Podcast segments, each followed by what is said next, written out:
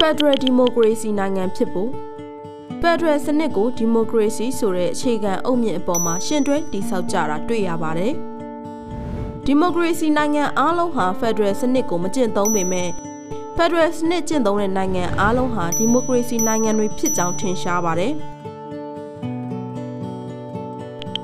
ဒါအပြင် Federal စနစ်ဆိုတာ Democracy နဲ့ရှင်တွဲတည်ဆောက်မှစစ်မှန်တဲ့ Federal စနစ်ဖြစ်ထွန်းတယ်ဆိုတာတွေ့ရှိရပါတယ်။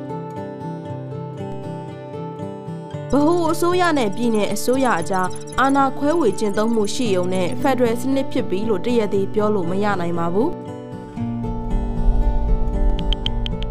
စစ်မှန်တဲ့ Federal စနစ်ဖြစ်ဖို့အတွက်ဆိုရင်လွတ်လပ်ခြင်းတရားမျှတခြင်းဒန်းတူညီမျှခြင်းနဲ့ကိုပိုင်ပြဋ္ဌာန်းပိုင်ခွင့်ဆိုတဲ့စံတန်ဘိုးတွေအပေါ်အခြေခံမှုလိုပါတယ်ဒီမိုကရေစီစနစ်မှာဒီလိုအခြေခံနှုံးစံတွေကိုဖြစ်ပေါ်စေတဲ့ကျင့်ထုံးတွေရှိနေပါတယ်။ ဒါကြောင့်ဒီမိုကရေစီနဲ့ဖက်ဒရယ်စနစ်ကိုပေါင်းစပ်ပြီးဖက်ဒရယ်ဒီမိုကရေစီနိုင်ငံအဖြစ်ထူထောင်မှုစ조사ကြတာဖြစ်ပါတယ်။ဖက်ဒရယ်ဒီမိုကရေစီနိုင်ငံတနိုင်ငံဖြစ်ဖို့အတွက်ဆိုရင်ဘာတွေလိုအပ်ပါသလဲ။ဖက်ဒရယ်ဒီမိုကရေစီနိုင်ငံဖြစ်ဖို့အတွက်ဖက်ဒရယ်ဒီမိုကရေစီဖွဲ့စည်းပုံအခြေခံဥပဒေတစ်ခုလိုအပ်ပါတယ်။ ဒီအခြေခံဥပဒေမှာ Federal ကျင့်ထုံးတွေနဲ့ဒီမိုကရေစီနှုံးစံတွေကိုရေးသားပြဋ္ဌာန်းထားရပါတယ်။ဒါအပြင်နိုင်ငံရဲ့အတိတ်သမိုင်းနောက်ခံတဲ့နိုင်ငံရေးဖြစ်တည်မှုပုံစံအလိုက်အာဏာခွဲဝေကျင့်သုံးမှုတွေလုပ်ကြရပါတယ်။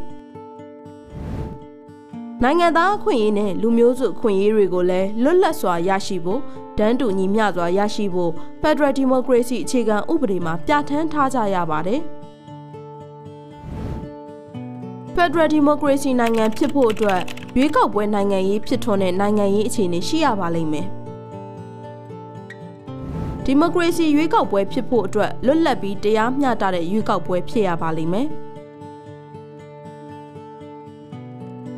ဒါအပြင်ပုံမှန်ရွေးကောက်ပွဲစနစ်ဖြစ်ထွန်းရပါတယ်။ဒါမှသာလျှင်ပြည်သူလူထုကိုကိုစားပြုတဲ့အစိုးရကိုရွေးကောက်တင်မြှောက်နိုင်မှာဖြစ်ပါတယ်။ ရွေးကောက်ပွဲနိုင်ငံရေးမဖြစ်ထွန်းတဲ့နိုင်ငံတွေမှာဖက်ဒရယ်စနစ်ကိုငြိမ်းချမ်းစွာတရားမျှတစွာကျင့်သုံးဖို့ခက်ခဲနိုင်ပါတယ်။ဖက်ဒရယ်ဒီမိုကရေစီနိုင်ငံဖြစ်ဖို့အတွက်နိုင်ငံရေးတန်းတူညီမျှမှုရှိရပါလိမ့်မယ်။နိုင်ငံအတွင်းမှာကွဲပြားနေတဲ့လူမျိုးစုတွေကြားနိုင်ငံရေးတန်းတူညီမျှမှုမရှိရင်ဖက်ဒရယ်ဒီမိုကရေစီကိုကောင်းစွာအကောင့်ထဲပေါ်ဖို့ခက်ခဲနိုင်ပါတယ်။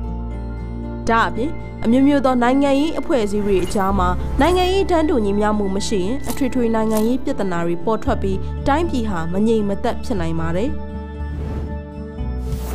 နိုင်ငံရေးပြဿနာတွေဟာလက်နက်ကင်ပဋိပက္ခအဖြစ်ပြောင်းလဲသွားပြီးပြည်ရင်းစစ်အဖြစ်ဥတီသွားနိုင်ပါတယ်။တည်ငြိမ်သောနိုင်ငံရေးအခြေအနေကိုရရှိဖို့နိုင်ငံရေးတန်းတူညီမျှမှုရရှိရေးဟာအလွန်အရေးကြီးပါတယ်။